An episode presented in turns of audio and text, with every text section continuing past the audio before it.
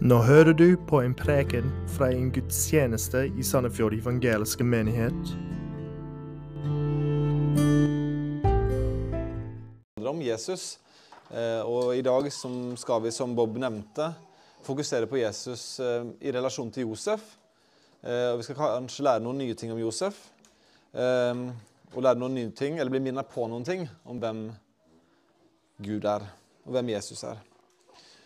Forrige søndag så talte Spencer til oss om eh, Jesus og Maria, om den rolle hun spilte, om hennes tro, men kanskje enda viktigere om den frelser som hun bar i sin favn som Maria trodde på og også skulle tilbe, men som hun først da hadde båret fram. I dag er det altså Jesus og Josef. Jeg hadde en tale om Jesus og Josef for tre år siden i Bibelkirken Vestfold. Så dersom dere var der da, så vil noen av de tingene jeg sier nå, være ganske mye repetisjon. Men hvis du er som folk flest, så er det vanskelig nok å huske hva som ble sagt for en uke siden. Eh, ikke at eh, det var noe galt med talen din, Spencer, men jeg tror eh, det er som det er hver søndag. Så jeg antar at ikke dere sitter og husker alt som ble sagt for tre år siden, om du skulle være her da heller. Så jeg tror det går bra. Og håpet som sagt er at ikke vi skal bare lære noe om Josef, men at vi også skal bli påminnet om hvordan Gud er, om Guds frelsesplan. Men vi skal se på to grunner til at vi burde lære av Josef sitt eksempel. Først skal vi se på hans Kristus-lignende karakter, og så skal vi se på hans rolle i Guds frelsesplan. Og når vi tenker på våre egne liv, så har vi noe å lære under begge disse overskriftene. Men la oss be sammen før vi ser nærmere på Josef. Gode himmelske Far, vi takker deg for din godhet mot oss. Vi takker deg for, for din eh, nåde, for at du sendte Jesus som verdens frelser. Og Jeg ber nå om at du må minne oss om hvem du er. At du må hjelpe oss til å få et ferskt blikk på deg og på din sønn Jesus. At vi kan bli minnet på det, at vi kan bli oppmuntra av det. At det må gjøre noe med oss, kjære far. Jeg ber om at du må hjelpe min tanke og min tunge når jeg skal tale nå, og hjelpe oss alle til å få med noe av det som blir sagt. Og jeg ber om at du må fortsette velsigne stunden for oss. Og vi ber dette i Jesu navn. Før vi begynner å se på bibelavsnittet, eh, som vi skal være mest i, i Matteus igjen, så skal jeg ta litt bakgrunnsinformasjon om skikkene på Jesu tid, og litt om hvem Josef var. Dette er kanskje ting som er vel kjent for noen, for noen av dere. Noe av det er repetisjon, noe av det er kanskje nytt. La oss begynne med konseptet trolovelse, som eh, dere hører om i juleevangeliet og ellers i Bibelen et par ganger. I Israel rundt år null, og en del før og en del etter, var det vanlig at kvinner ble trolovet som ganske unge kvinner. Ofte så nede i 12- og 13-årsalderen, så en del yngre enn det som er vanlig i vår kultur i dag. Eh, og De ble trolovet da ganske tidlig i livet. Mennene var som regel noen år eldre. Eh, det her var litt variasjoner på, selvfølgelig. Men mennene gifta seg som regel, eller ble trolovet da de var nesten 20 år. Da hadde de lært seg et yrke og skaffa seg et hjem. Så det kunne på en måte relativt sett være et ganske stort aldersspenn mellom mennene og kvinnene i trolovelsen, eh, altså de første årene av ekteskapet. Så ble jo på en måte den relative forskjellen mindre og mindre etter hvert, da selvfølgelig. Josef da var med all sannsynlighet noen år eldre enn Maria. Og Vi vet ikke hvor gammel Josef ble, men det er god grunn til å tro at Josef var død før Jesu aktive virke begynte. Ettersom han aldri blir omtalt som levende i noen av evangeliene, eh, og ettersom Jesus hvis dere husker at han hang på korset, så, så ba han om Johannes, sin disippel, om å forsørge for Maria, sin mor, etter sin død. Da Josef ikke lenger var der og kunne gjøre det. Så det er en liksom presumpsjon om at han hadde dødd før Jesu begynte sitt aktive virke. Men han hadde sannsynligvis ikke vært død så veldig lenge. Eh, og det er Grunnen til at vi kan tro det, eller sannsynliggjøre det, er at Jesus i evangeliene blir omtalt som tømmermannens sønn. Så enten hadde Josef blitt en veldig anerkjent tømmermann, eh, som var lenge, kjent lenge etter sin død, kanskje ikke så sannsynlig, eller så var hans bortgang kanskje bare en kort stund, ikke mer enn et par år kanskje, kanskje rett før også, før Jesus sto fram og begynte sin gjerning. For da de omtalte Jesus som tømmermannens sønn, så all, visste alle hvem det var. Alle visste hvem tømmermannen var. Det var altså Josef. Og Det er derfor rimelig at hans bortgang var relativt fersk. Han var tømmermannen, og i, på en måte i Nasaret på den tiden så hvis, hvis, du visste hvem tømmermannen var, så visste du også hvem tømmermannens sønn var. Det var Jesus. Josef blir ikke nevnt eller referert til mange ganger i Bibelen. Han blir nevnt to ganger i Johannes-evangeliet, og da alltid i referanse til Jesus, hvor folk spør om ikke dette er Josefs sønn. Han blir nevnt fem ganger i Lukasevangeliet, men der er det mye større fokus på Maria. Det er ingen referanser til Josef i Markusevangeliet. Og i Matteusevangeliet så er det der han måte, skinner mest. Ni henvisninger, og en gang henvist til som tømmermannen, som igjen er denne henvisningen vi ser i et par andre plasser. Vi hører ikke om, Maria, om at Maria hadde funnet seg en annen mann etter at Josef gikk bort. Så det er all god grunn til å tro at Jesus' søsken Han hadde fire brødre. Jakob, Josef, som da var oppkalt etter faren sin, Simon og Judas, og hans søstre, som det i hvert fall var to av, for de er omtalt i flertall. Det er all god grunn til å tro at disse andre barna av Maria og Josef var eh, fullbårne eh, juridiske søsken til Jesus, selv om da de fysiologisk var halvsøsken. Vi vet altså ikke så veldig mye om Josef, men vi vet noen ting. Og det vi vet, er ganske interessant. Og det er det vi skal stoppe opp litt ved i dag. Og Vi skal se altså på to ting med Josef som er verdt å merke seg. Én hans Kristus-lignende karakter. To, hans rolle i Guds frelsesplan. La oss først se på hans Kristus-lignende karakter. Igjen, det er ikke så mye om det i evangeliene. Markus nevner det tilnærmet ingenting, sammen med Johannes. Vi må til Matteus og Lukas evangeliet. Når vi tenker på juleevangeliet, så er det nesten alltid Lukas 2 vi tenker på. Eh, men når vi leser i Lukasevangeliet, så er det åpenbart at Lukas var mer opptatt av å skildre Jesu mor. Marias erfaringer rundt Jesu fødsel. Men Matteus er mer interessert i å skissere og skildre Josef sine erfaringer. Så man gjør et stilstudie av Maria, som eh, Spencer til en viss grad gjorde forrige søndag, så må vi gå til Lukasevangeliet. Skal han bli kjent med Josef, så må vi begynne i Matteus. Og Det skal vi gjøre i dag. Så La oss begynne i Matteus evangeliet kapittel 1 og lese fra vers 18. Der står det følgende Med Jesu Kristi fødsel gikk det slik til. Hans mor Maria var trolovet med Josef. Men før de var kommet sammen, viste det seg at hun var med barn ved Den hellige ånd. Josef hennes mann, var rettferdig. Han ville ikke føre skam over henne og ville skille seg fra henne i stillhet. La oss prøve å forstå denne litt dramatiske situasjonen. Vi får vite at Maria var trolovet med Josef. Trolovelse, som jeg nevnte i stad ble inngitt ganske tidlig. Og Det er litt annerledes konsept enn det vi er vant til i Norge i dag. Vi har på en måte ikke en direkte parallell til trolovelse i Norge. Det er ikke det samme som vi nå kaller forlovelse, selv om det har noen likhetstrekk, selvfølgelig. Å inngå ekteskap i jødisk kultur i det første århundret var en eh, sånn totrinnsrakett. En prosess i to ledd. Først var det inngåelsen av trolovelsen, trinn 1, som var juridisk bindende for begge parter. Den varte opp mot et helt år før ekteskapet ble fullbyrda, og mannen da hentet kvinnen hjem til sitt hus. Trolovelser kunne ofte bli inngått av eh, partenes foreldre, det var ikke så uvanlig på denne tiden. Barna trengte ikke nødvendigvis være enig i valget som ble tatt, selv om de nok i mange tilfeller, og da kanskje spesielt mennene, det var sånn kulturen var, var involvert. Og jeg tror nok at ofte var det vanlig at begge var involvert også, men, men det var ikke nødvendigvis sånn. Ved inngåelsen av trolovelsen ble det betalt en brudepris, en medgift, fra brudgommen og hans familie til brudens far. Jeg tviler på at det var sånn for, eh, for, dere som er gift her, når dere fridde, at dere måtte finansiere et eller annet opp for å sikre dere at dere skulle få ja, aksept. Jeg vet ikke om dere spurte om lov engang, men det er en annen historie. um, medgiften var ment å kompensere brudens far for utgiftene med å arrangere et bryllup. Og så skulle det i tillegg være en slags forsikring til faren. Dersom brudgommen på et senere tidspunkt ville skille seg fra sin hustru, så måtte da faren eller måtte da returnerte kvinnen til sin fars hus. Og da måtte eh, han ha holdt si, økonomisk eh, forsikring for å påse at han kunne klare det. Og Da var det jo vanskeligere å få gifta på nytt. Dette var selvfølgelig ikke en del av eh, Guds intensjon fra skapelsen av og fra begynnelsen av, men det hadde blitt en praktisk og økonomisk måte å arrangere det formelle rundt en ekteskapsinngåelse. Og Det er interessant å merke seg da, at under trolovelsestiden så var det vanlig at ekteparet, eller det trolovede paret, som nå var juridisk gift, de hadde tilnærma ingen sosial kontakt. Så det var ikke en sånn bli kjent-periode.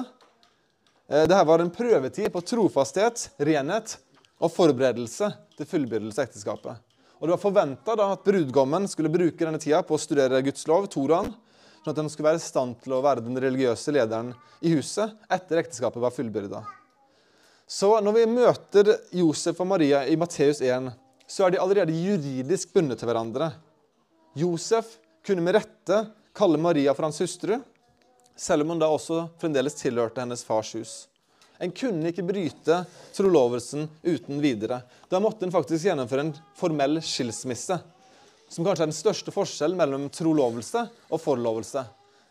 Eh, forlovelse kan brytes eh, både juridisk og holdt jeg på å si, kristelig og bibelsk uten at det er noe, eh, si, noen større konsekvenser, enn annet enn at det kan være såre følelser osv. selvfølgelig. Men det er ikke noe som er bindende, verken i, i Guds øyne og i, i Bibelens øyne. En forlovelse er, er, er, mulig å bryte uten de store konsekvensene. Sånn var det ikke med en trolovelse. De er altså formelt bundet sammen. Josef og Maria trolovet. Maria bor fremdeles hos sin far i påvente om at trolovelsesperioden skal bli fullført. Og så skjer det, da. Det som skjer fra tid til annen, men aldri før på denne måten, at kvinnen, Maria, ble med barn før ekteskapet var fullbyrda. Det er jo for så vidt ikke noe nytt i verdenshistorien, og heller ikke i vår tid. Josef visste at dette ikke var hans eget barn. Maria forteller at hun bærer et barn i sitt liv til Josef. Det er også grunnen til at Maria kanskje forteller Josef om den overnaturlige dimensjonen, om unnfangelsen. Men Josef virker kanskje ikke være helt overbevist om at dette er sant. Han tror det samme om Maria som jeg tror alle vi her hadde trodd dersom våre forlovede, eller trolovede for den saks skyld, som ikke vi hadde vært nær på den ekteskapelige måten, hadde kommet og fortalt oss at hun var gravid. Her er det en annen mann i bildet. Det er jo det opplagte svaret på hva som har skjedd. Vi har ikke mange detaljer rundt hvordan dette ble mottatt. Men vanlige reaksjoner på en slik beskjed kunne vært sinne hos mannen, enorm skuffelse, sorg, kanskje bitterhet, misunnelse. Og så kanskje hevn, hevngjerrighet. Og Josef hadde også en religiøs lovhjemmel han kunne bruke dersom han nå skulle få straffa Maria for det som han antok var hennes utroskap. Tredje Mosebok, kapittel 2010, sier klart og tydelig når en mann driver hor med en annen manns hustru med sin nestes hustru, da skal de begge dø, både mannen og kvinnen som har drevet hor. Og så er det videre utbrodert i 5. Mosebok 22. Vi skal ikke se nærmere på det nå. Nå var det slik på Jesu tid at romerne hadde forbeholdt seg retten til å avgi dødsstraff til sin egen domstol. Så jødene kunne ikke på en måte håndheve eh, Moseloven fullt ut. Men det var mange tilfeller hvor den religiøse jødiske mobben likevel tok saken i egne hender utførte steininger, henrettelser for slike synder. Og Hvis du husker historien i Johannes evangeliet kapittel 8 om kvinnen som var grepet i hor, så var de nettopp drevet fram for Jesus, og planen var at de skulle steine henne. Så selv om de ikke hadde lov av romerne, så var det nok noe som skjedde fra tid til annen. Kanskje det var noe romerne så litt mellom fingrene på. Og Den sikreste måten som Josef nå kunne bevare sin egen ære på, var ved å skrive et skilsmissebrev og proklamere Maria sin synd til både den religiøse eliten, men også til, til omverdenen. Og hvis det ble noe av steiningen av henne, så skulle han delta. Og skulle det ikke bli en steining, så skulle det i hvert fall være en seremoni eller markering som vanæra Maria som den synderen de hevdet at hun var. Det ville være en standard prosedyre for en jødisk mann som var opptatt av å beskytte sin egen ære, men også sin families ære, altså hans egen far, hans egen familie. Her var en æreskultur, eh, ganske ulik vår kultur i dag, selv om det selvfølgelig er noen, noen paralleller også. Men, men, mye sterkere æreskultur. Det viktigste jobben var å beskytte familiens ære. Og da måtte en distansere seg fra utroskap og det tilhørende. Josef var ikke en slik som var opptatt primært av sin egen ære. Altså, Vi veit jo ikke hvordan han umiddelbart reagerte han var nok åpenbart sorgfull og sikkert skuffa og sint osv. Han opplevde nok skuffelser og, og følelse av å være forrådt. Men han var ikke hevngjerrig. Han var ikke opptatt av sin egen ære. Det står liksom veldig lite om Josef, men det som står, er veldig fint. Josef, hennes mann, var rettferdig. Han ville ikke føre skam over henne, ville skille seg fra henne i stillhet. Vi sitter jo med full informasjon om hvem dette barnet var. Det var Jesus. Vi sitter med full informasjon om Maria sin uskyld. Så vi tenker ofte sånn intuitivt at det skulle bare mangle at Josef i hvert fall var barmhjertig her. Men Josef visste jo ikke det. Men det står like fullt at han var rettferdig. Og Det å være rettferdig har jo på en måte en åndelig dimensjon i, i romerbrevet og galaterbrevet, som, som betyr at han er rettferdiggjort av Gud. Men det kan også bety noe om hans livsførsel, hvordan han var som menneske, som kanskje er like relevant. I jødisk tankegang var betegnelsen på en rettferdig mann eh, noe som omtalte en mann som både var sann troende, han trodde på Gud, altså han var rettferdiggjort, men også at han var bevisst på å følge loven og etterstrebe å leve for Gud og demonstrere Guds karakter mot andre. Hvis du husker første Mosebok kapittel 6 om Noah, så står det om Noah. Noah var en rettferdig mann. Hvordan var han rettferdig? Han var ulastelig blant sine samtidige. samtidige. Noah vandret med Gud. Det som på en måte var med å kjennetegne en rettferdig mann, var ikke bare at han var erklært rettferdig, eh, og ren for Gud, men det var at han levde på en ulastelig måte. Han var anerkjenna eller han var eh, beskrevet som en mann som vandra med Gud. Folk skjønte at Noah han reflekterer noe om hvem Gud er. Josef sin rettferdighet var ikke av en slik art at en alltid skulle straffe synderen hardest. I dette tilfellet ved å steine Maria. Josefs rettferdighet var mer lik Guds rettferdighet. En rettferdighet som ikke har behag i den ugudeliges undergang. En rettferdighet som også var, som Gud, barmhjertig. Nå så ikke Josef mellom fingrene på det som hadde skjedd. Han skulle skille seg fra henne, men han skulle gjøre det i stillhet. Han ville skåne Maria fra å bli dratt fram i offentligheten. Han ville skåne henne livet hennes, æren hennes. Og på den måten satte han sin egen ære i fare. Josef var mer bekymra for Maria, som han trodde var skyldig, husk det, hennes ære, til tross for at hun var den skyldige part, så langt han kunne se. Og Dette beskriver egentlig noe ganske fint om Josefs hjerte, om Josefs person som person og medmenneske. Og den forteller oss også noe om Gud. Josef tenker jeg, må ha forstått noe om Guds nåde mot han sjøl. Og det må ha drevet han til å forlenge denne nåden i stor grad mot Maria. Josef var på den måten veldig annerledes enn de religiøse lederne i Israel på denne tiden. Han var mye mer lik sin juridiske sønn Jesus enn de religiøse lederne var. Jesus var jo kjennetegnet av akkurat det. Nådig, barmhjertig mot de verste av syndere. Horkvinner, horkarer, toldere, syndere. Sånne som meg og deg. Jesus var nådig og barmhjertig mot dem. Slik var også Josef når han fikk testen sin i forhold til Maria. Og Det er noe vi også må bli minnet om med jevne mellomrom. Dersom din rettferdiggjørelse ikke har gjort deg mer barmhjertig mot andre mennesker, så vil jeg stille noen seriøse spørsmål om hvorvidt du faktisk er rettferdiggjort. Dersom Jesu nåde og tilgivelse ikke har gjort deg mer kjærlig og øm mot dine kolleger, venner, familie, mot din ektefelle, så har du sannsynligvis ikke forstått eller erfart Jesu tilgivelse selv ennå. Når en forstår dybden av sin egen synd og ser hvordan Jesus omfavner den verste av syndere, dør for de verste av syndere, hvordan kan en da ikke la det være med å påvirke hvordan en behandler andre? Vi klarer det selvfølgelig ikke like bra som Jesus, langt ifra. Men det må ha skjedd noe med hvordan vi forholder oss til andre mennesker. Vår barmhjertighet må være berørt av det Jesus har gjort med oss. Så det får kanskje være kveldens første, eller kvelden, formiddagen, formiddagens største, første jule, førjulsanbefaling. La Guds nåde mot deg prege din kjærlighet mot dine medmennesker. Josef følte seg svikta.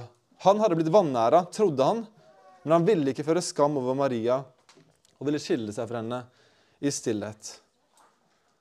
Vi sitter jo selvfølgelig og tenker ja, ja, han gjorde det beste. Han var nådig og omsorgsfull. Han gjorde det han burde gjøre.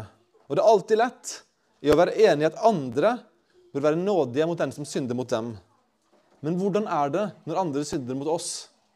Når andre synder mot deg?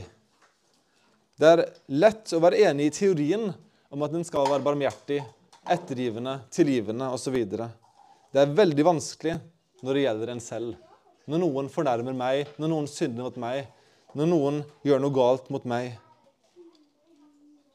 Da er det vanskelig å sette teorien i praksis. Og Det er her vi er avhengig av Guds nåde, at Han må gjøre et verk i oss. Slik at ikke vi skal være sånne mennesker som bare er enige om at andre skal vise nådige og barmhjertighet mot de som har gjort dem urett, men at vi bestemmer oss for at jeg skal være nådig mot den som krenker og synder mot meg. Slik var Josef. Er du en sånn? Så Vi ser først at Josef var rettferdig og barmhjertig. Og Så ser vi videre at han var lydhør, at han var lydig mot Guds ord. Det er noe umulig som har skjedd. Maria har blitt med barn uten at det hadde vært en mann involvert. Josef tror kanskje ikke dette umiddelbart. Eller det er ganske tydelig at han ikke tror det. Og Gud forstår at Josef ikke kunne bare tro det sånn uten videre. Så han bekrefter informasjon fra himmelsk hold. Og Gud sender en engel til Josef i en drøm. Da er vi tilbake i Matteus 1, kan lese vers 20-23. Mens han nå, da vi altså Josef, tenkte på dette, se, da viste en Herrens engel seg for ham i en drøm og sa, Josef, Davids sønn, frykt ikke for å ta Maria, din hustru, hjem til deg, for det som er unnfanget i henne, er av Den hellige ånd. Hun skal føde en sønn, og du skal gi ham navnet Jesus, for han skal frelse sitt folk fra deres synder. Alt dette skjedde for at det skulle bli oppfylt som Herren hadde sagt ved profeten. Se, jomfruen skal bli med barn og føde en sønn, og de skal gi ham navnet Immanuel. Det betyr 'med oss er Gud'. Marias utrolige historie blir bekrefta av en engel. Engelen refser ikke Josef for å ville skille seg fra Maria i stillhet. Jeg tror det var en guddommelig forståelse for at Josef ikke hadde noen forutsetninger for å skulle tro det her. Men han sier skilsmissegrunnlaget er ikke til stede. Hun har ikke vært utro. Det som er unnfanget i henne, er av Den hellige ånd. Og Så gir engelen mer informasjon om dette barnet. Det skal bli en sønn. Han skal hete Jesus. Samme navn som Josva på hebraisk. Jeshua. Frelser. Han skal frelse sitt folk fra deres synder. Og Så henviser engelen til et skriftsted for å grunnfeste at dette er ikke bare en vill drøm, men det står faktisk i profetene. Og så henvises det til Jesaja kapittel 7, vers 14. Det er som han sier til Josef, der kan du gå og slå opp i synagogen neste gang du er der, for å få deg verifisert. Han hadde nok ikke skriftrullen liggende hjemme, sånn som vi har biblene våre. Men de hadde tilgang til en skriftrull om loven den, og, og, og profetene og skriftene for øvrig. Det lå i synagogen med all sannsynlighet. Han kunne sjekke der og få det verifisert? Jo, Jesaja sa noe om dette. Jomfruen skulle bli med barn. Det skulle skje. Josef, frykt ikke for å ta Maria hjem til deg. Og Jeg vet ikke hvordan jeg hadde reagert på akkurat det budskapet, men det er interessant og eksemplarisk hvordan Josef reagerer. For det står ganske enkelt i vers 24.: Da Josef var våknet av søvnen, gjorde han som Herrens engel hadde pålagt ham, og han førte sin hustru hjem til seg. Men han levde ikke med henne før hun hadde født sin sønn, og han gav ham navnet Jesus. Altså det her er ganske stor grad av tillit og tro til Gud og Guds, Guds engel. Merk at han ikke krangla med engelen. Han hadde ikke et bedre forslag. Han var ikke sånn som Moses, som prøvde å unnskylde seg på alle mulige måter for å unnslippe oppgaven. Han kunne sagt ja, men engel Ingen kommer til å tro denne historien. De kommer til å tro jeg er naiv, dum. Æren min kommer til å være tapt. Ingen sånne forsvarstaler. Han var ikke sånn som Abraham, som prøvde å bevare sin egen ære og sikkerhet når det eksterne presset ble stort. Han var ikke tvilende som Sakarias, som ikke trodde på engelens ord om at Elisabeth skulle kunne få barn. Men det står at han våknet av søvnen, og så står det veldig enkelt. Gjorde han som Herrens engel hadde pålagt han, og han førte sin hustru hjem til seg. Veldig enkelt, men det sier også veldig mye om han som person. Han fullførte trolovelsen, hentet Maria fra hennes fars hus til sitt eget hus, noe som, Ann, noe som hennes far, altså Marias far, med all sannsynlighet var veldig takknemlig for. Han hadde jo nå en datter som det ville være umulig å få gifta bort. Så han hadde en økonomisk forpliktelse. Det var jo sånn de tenkte. det var jo hverdagen. Han hadde en, en, en datter som han aldri klarte å gifte bort nå, fordi hun hadde fått barn utenfor ekteskapet. Men Josef kommer og sier, 'Vi er forlova, du blir med meg.' Og vi full, full, ekteskapet. Josef levde ikke med henne som ektefolk gjør, før Jesus hadde blitt født. Men han opptrådte som fullverdig ektemann med forsørgeransvar for Maria fullt ut fra dag én. Han hørte engelens bud. Han gjorde som Herren befalte. Og Hvis vi skal se bare det mønsteret, så kan vi bare bla litt fram til Matteus 2. kan vi lese fra vers 13 til 15. Det er etter at, eh, at de har, eh, de har eh, etter barna har blitt født osv. Så, videre, så nå er vi litt, litt lenger ute i, i, julehistorien, om du vil. Matteus 2, 13-15. Da de var dratt bort, ser og viser en Herrens engel seg for Josef i en drøm og sier, Stå opp, ta barnet og dets mor med deg, og flykt til Egypt. Bli der til jeg sier fra til deg, for Herodes kommer til å lete etter barnet for å drepe deg. Da begynte Josef å krangle. Nei, det står ikke det. Han sto da opp, tok barnet og dets mor om natten og dro av sted til Egypt. Der ble han til Herodes var død, for at det skulle bli oppfylt som Herren hadde talt til profeten. Fra Egypt kalte jeg min sønn. Han blir varsla i en drøm. Han gjør som engelen befaler, flykter til Egypt. Og det skjer en gang til, hvis vi hopper ned til vers 19, og 20, 19 20 og 21. Da Herodes var død, da viste en Herrens engel seg en drøm for Josef i Egypt og sa, stå opp, Ta med deg barna og dets mor og dra til Israels land, for de som ville barnet til livs, er døde. Og han sto opp, tok med seg barnet og dets mor og kom til Israels land. Og så står det videre i vers 22. Men da han fikk høre at Arkaleus var blitt konge i Judea etter sin far Herodes, var han redd for å dra dit. Varslet av Gud i en drøm, fjerde gangen altså, han blir varsla av Gud i en drøm, dro han til Galilea. Så vi ser at Herrens engel taler til ham ved fire anledninger og vi ser ingenting annet enn en umiddelbar tillit og tro til Guds befaling. Og det er ganske fint å tenke på. Den der eh, enorme tilliten til at Gud vet best. At Gud har sendt meg et sted, da gjør vi som han sier. Da går vi i tro. Gud har kontroll over sin frelsesplan. Han har kontroll over historien, men han bruker fremdeles menn og kvinner til å utføre sin gjerning i det praktiske, i veldig enkle, aktive valg. Og, og, og her er Josef en viktig rolle. For det er Josef som leder for familien som må ta valget. Skal jeg gå, eller skal jeg ikke gå? Skal jeg være lydig eller ikke? Og Det står flere ganger for at det skulle bli oppfylt som Herren hadde talt ved profeten. Josef sin lydighet medførte oppfyllelsen av et flertall av profetier om Messias. Vi kan se litt på det disse snart. Hadde Josef vært ulydig bare én gang, så kunne det vært på en måte katastrofalt da, for Guds frelsesplan. Og så vet vi at det er hypotetisk problemstilling. Eh, Gud har på en måte kontroll. Men, men, eh, det er fremdeles aktive og reelle valg som mennesker må ta på veien. Og Josef tok de rette valgene. Han stolte på Gud. Og Josef er på en måte en, en, en, en troshelt i denne historien også. Han er barmhjertig, han er rettferdig. Han er mer bekymra for Marias ære enn hans egen ære. Han tar på seg ansvaret som forsørger for Maria. Han blir Jesu, Jesu juridiske far. Han beskytter henne, og han er lydig mot Herrens advarsler og åpenbaringer til det beste for barnet. Engelen taler til Josef. Josef lyder.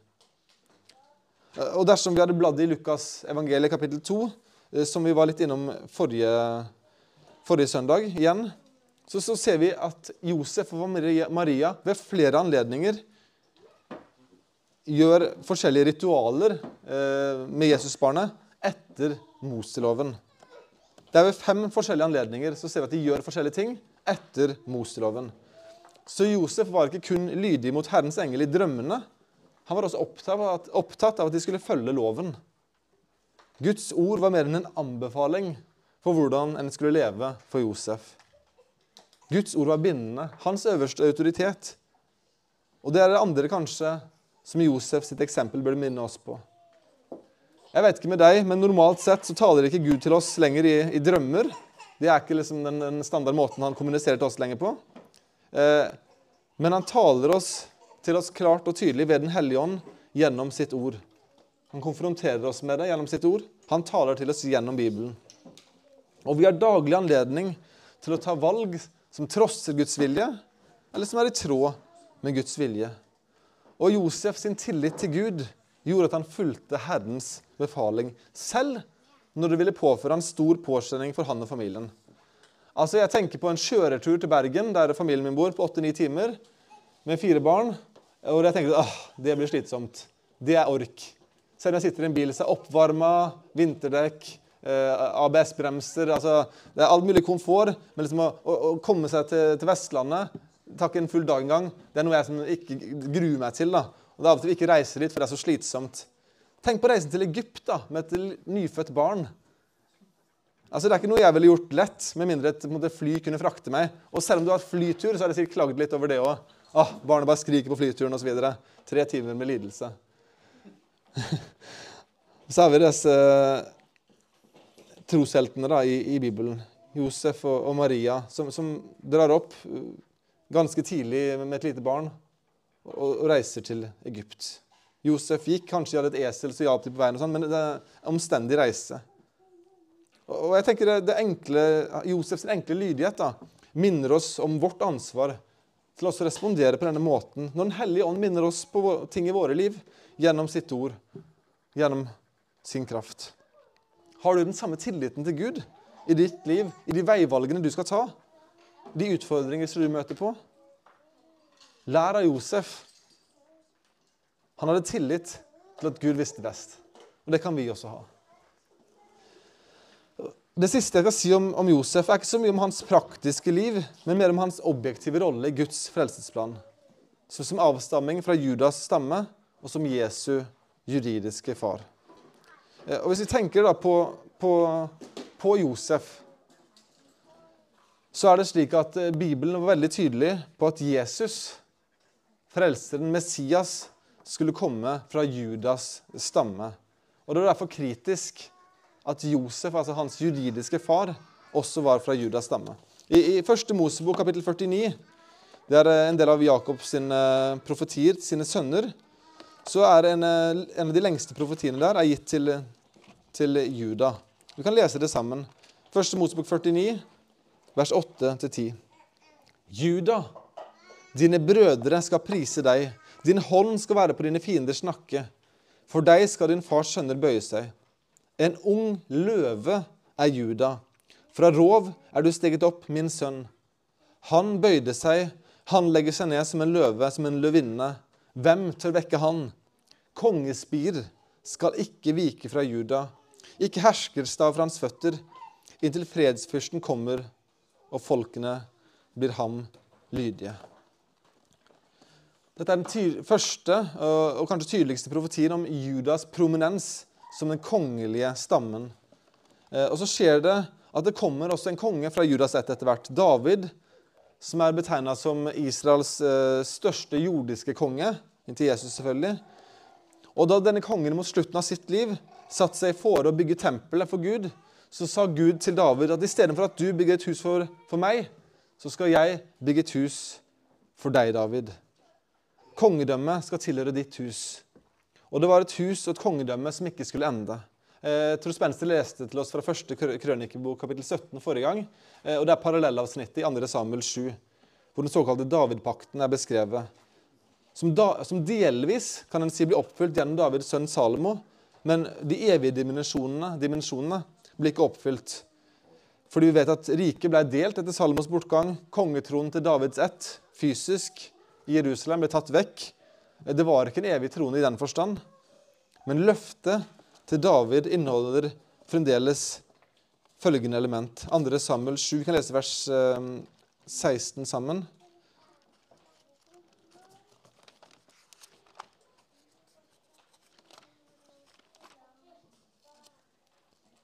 Andre Samuel 7, 16. Ditt hus og ditt kongedømme skal stå fast til evig tid for ditt åsyn, og din trone skal være grunnfestet til evig tid. Og de evige dimensjonene av dette løftet her har ikke blitt oppfylt ennå. Hadde ikke blitt oppfylt da Jesus kom. Eh, det er fremdeles og er fremdeles uoppfylte løfter relatert til Davidspakten. Men for at løftene skulle kunne gå i oppfyllelse, måtte det komme en av Davids ett, av Judas ett, som ville kunne regjere med rettferdighet i evighet. Og For at dette skulle kunne være Jesus, så måtte hans juridiske far være av Judas og Davids ett. Det var med andre ord ikke nok at Maria, som også var av Judas stamme, var Jesus sitt fysiske opphav. For Jesu kongelige rett ville alltid komme fra hans far som avstamming av Davids ett. Det måtte komme fra hans juridiske, jordiske far. Josef var av Davids ett. Hans juridiske barn ville følgelig også gå inn i den kongelige arvelinjen, og hans førstefødte Jesus ville ha kongeretten. Nå var det mange andre som var av Davids ett på denne tiden, men det, men det var Josef som var utvalgt av denne ætten til å videreføre den kongeætten til sin juridiske sønn. En kunne som sagt ikke motta fulle rettigheter som arving gjennom en mors etterlinje. Det var alltid farens stamme, farens arvedel, som avgjorde hvilken stamme og ett barnet fikk. Og selv om altså både Josef og Maria var av Davids ett, så måtte det en juridisk far til for å overføre kongeretten. Så Josef hadde en rolle som var mye videre enn å være beskytter og forsørger for Jesus og for Maria og for brødrene for øvrig. Han fungerte som Jesu fullverdige far, juridiske far, med alle rettigheter og ansvar som det innebar, selv om han ikke var Jesu biologiske far. Og et frelseshistorisk perspektiv da, så var det kritisk at det var en mann som Josef, en rettferdig mann av Judas, av Davids ett, som gikk inn som Jesu juridiske far. Så vi ser om Josefs rolle at han var en kritisk brikke i Guds frelsesplan. Avstamning fra Judas og Davids ett. Men så ser vi også konkret om hvordan Josefs lydighet, som vi allerede har berørt så vidt, resulterer i direkte oppfyllelser av flere gammeltestamentlige profetier. Han er liksom nøkkelperson i oppfyllelsen av flere av disse profetiene. Vi kan først se hvordan Josef sin lydighet resulterte i direkte oppfyllelse av hvordan Jesus skulle bli født i Betlehem. Betlehemsprofetien, hvis vi kan kalle det det, finner vi i profeten Mika, kapittel 5, vers 1 hvor profeten sier følgende Men du, Betlehem, Efrata, som er liten til å være blant Judas tusener, fra deg skal det utgå for meg en som skal være hersker over Israel. Hans utgang er fra gammel tid, fra evighets dager. Det var en klar messiansk forventning om at Messias skulle bli født i Betlehem. Det er akkurat dette yppersteprestene og folkets skriftlærde fortalte kong Herodes i Jerusalem. Og Josef var den som hadde ansvar for å føre sin familie til Davids by for å la seg innskrive i manntall. Han var den som på en måte, Hans rolle gjorde at Jesus endte opp der, ble født der. Så er det en annen forventning i, i profetien om at Jesus skulle bli henta fra Egypt. Eh, det står at i Hosea kapittel 11 vers 1 Da Israel var ung, hadde jeg ham skjær. Fra Egypt kalte jeg min sønn. Det er egentlig en profetisk eh, påminnelse om hva Gud hadde gjort en gang for sitt folk da han frigjorde israelsfolket fra fangenskap i Egypt. Og så var det brukt som en forventning, an, an, brukt som analogi på Jesus og Messias som skulle bli henta ut fra Egypt på samme måte. Som et sterkt vitnesbyrd om Guds kjærlighet for hans folk. Og det ble altså anvendt på Jesus. Fra Egypt kalte jeg min sønn. Det var Josef som fikk beskjeden om å dra til, dra til Egypt og dra tilbake fra Egypt med Jesus. Og så er det en ting som står i, i Matteusevangeliet eh, om at Jesus skulle bli kalt en nasareer. Da er vi tilbake i, i, i eh, Matteus 2, vers 23. Da han kom dit, bosatte han seg i en by som heter Nasaret, for at det skulle bli oppfylt som var talt ved profetene, at han skulle kalles en nasareer. Messias skulle bli kalt en nasareer. Flere profeter beskrev dette. Det er ingen profet som egentlig sier ordrett Jesus skal bli en nasareer', altså fra Nasaret. Så profetien er litt vanskelig og tydelig i den forstand. Men det er en ganske god måte å forstå dette på. Å være fra Nasaret var på mange måter assosiert med å være fra være en avskyelig eller forkasta person i den jødiske sammenhengen. En var på en måte en mindreverdig jøde om du kom fra Nasaret. Hvis du husker hvordan disiplene Philip eh, eh, og Nathanael eh, snakker sammen i Johannes, kapittel, Johannes evangeliet kapittel 1, så får vi høre litt om hvilke tanker de hadde om Nasaret. Det står Philip finner Nathanael og sier til ham, ham som Moses har skrevet om i loven, og som profeten har skrevet om, ham har vi funnet, Jesus, Josefs sønn fra Nasaret. Nathanael sa til ham, kan det komme noe godt fra Nasaret? Philip sa til ham, kom og se. Nasaret, kan det komme noe godt derfra? Forbundet med fordommer. Det var et sted der ingen av de prominente ville bo. Det var mange rykter om at de romerske soldatene hadde forgrepet seg på kvinner der, som sikkert var, var sant delvis, og at mange av barna derfor ikke var eh, kall det sanne etniske jøder. da. Og Det var også en indirekte spottende anklage som ble anført mot Jesus senere, at han ikke var, ekte, en ekte, ekte jøde. Så å være fra Nasaret var å være en avskyelig person, en forkasta person, ansett som en mindreverdig jøde. Og det er profetiene klare om at det ville også være sant for Messias. Husk Salme 22, vers 7 og 8, hvor Jesus, Messias sier om seg selv Jeg er en orm og ikke et menneske. Jeg er spottet av mennesker og foraktet av folk. Alle som ser meg, spotter meg, vrenger munnen og rister på hodet. Eller følgende om Herrens senere i Jesaja 49, vers 7. Så sier Herren, Israels gjenløser, Israels hellige, til ham som er foraktet av hver sjel, til ham som er avskydd av folkene, han som er herskeres tjener. Kongen skal se det og reise seg, fyrster skal se det og kaste seg ned, for Herrens skyld, som er trofast, for Israels helliges skyld, som utvalgte deg. Så har vi Jesaja 53, kan lese vers 3, om Herrens lidende tjener.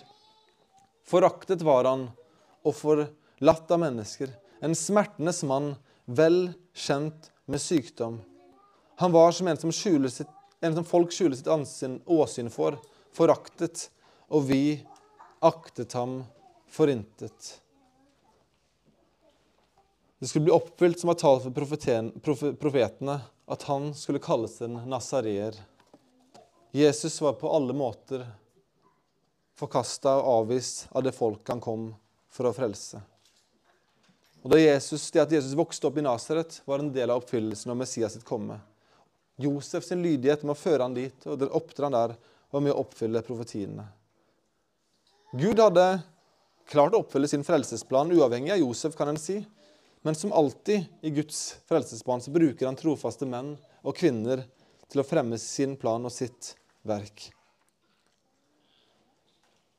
Og For et privilegium det egentlig var da, for Josef å være en så sentral brikke. Men det berodde altså på hans lydighet, hans lydighet.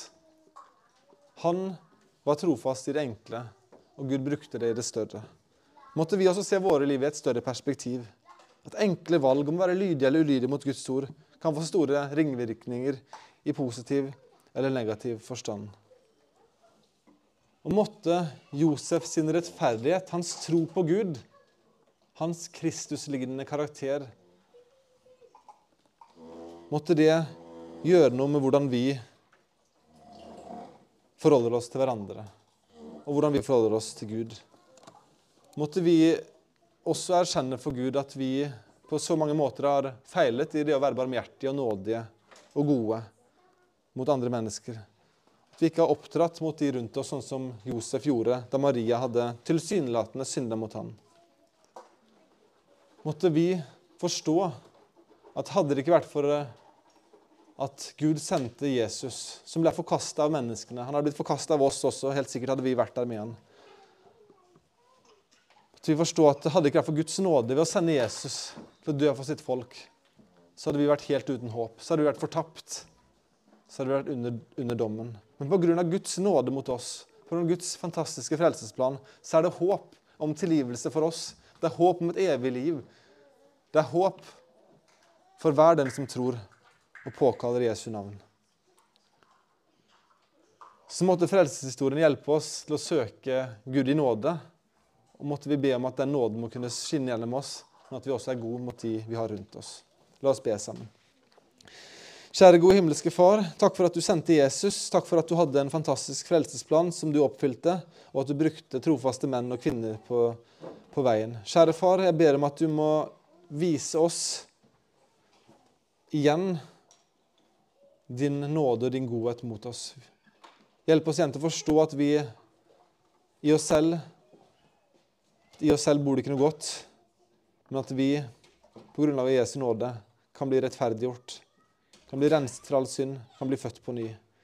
Jeg takker deg for din tilgivelse, og jeg ber for alle som er her, at de må, om ikke de har gjort det ennå, påkalle deg i tro. Så takker vi for de eksemplene som du har gitt oss i Bibelen om trofaste menn og kvinner. Vi takker deg for Josef, hvordan han var barmhjertig og nådig, hvordan han var lydig.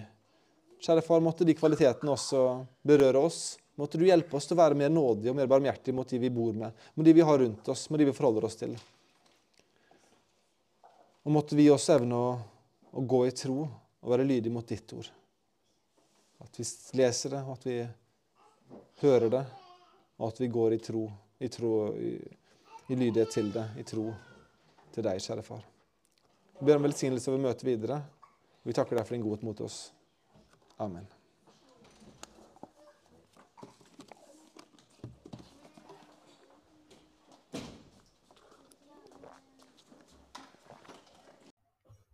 Takk for at du hørte på denne prekenen. Ønsker du mer informasjon, besøk sandefjordevangeliske.no eller vår Facebook-side Sandefjord evangeliske menighet.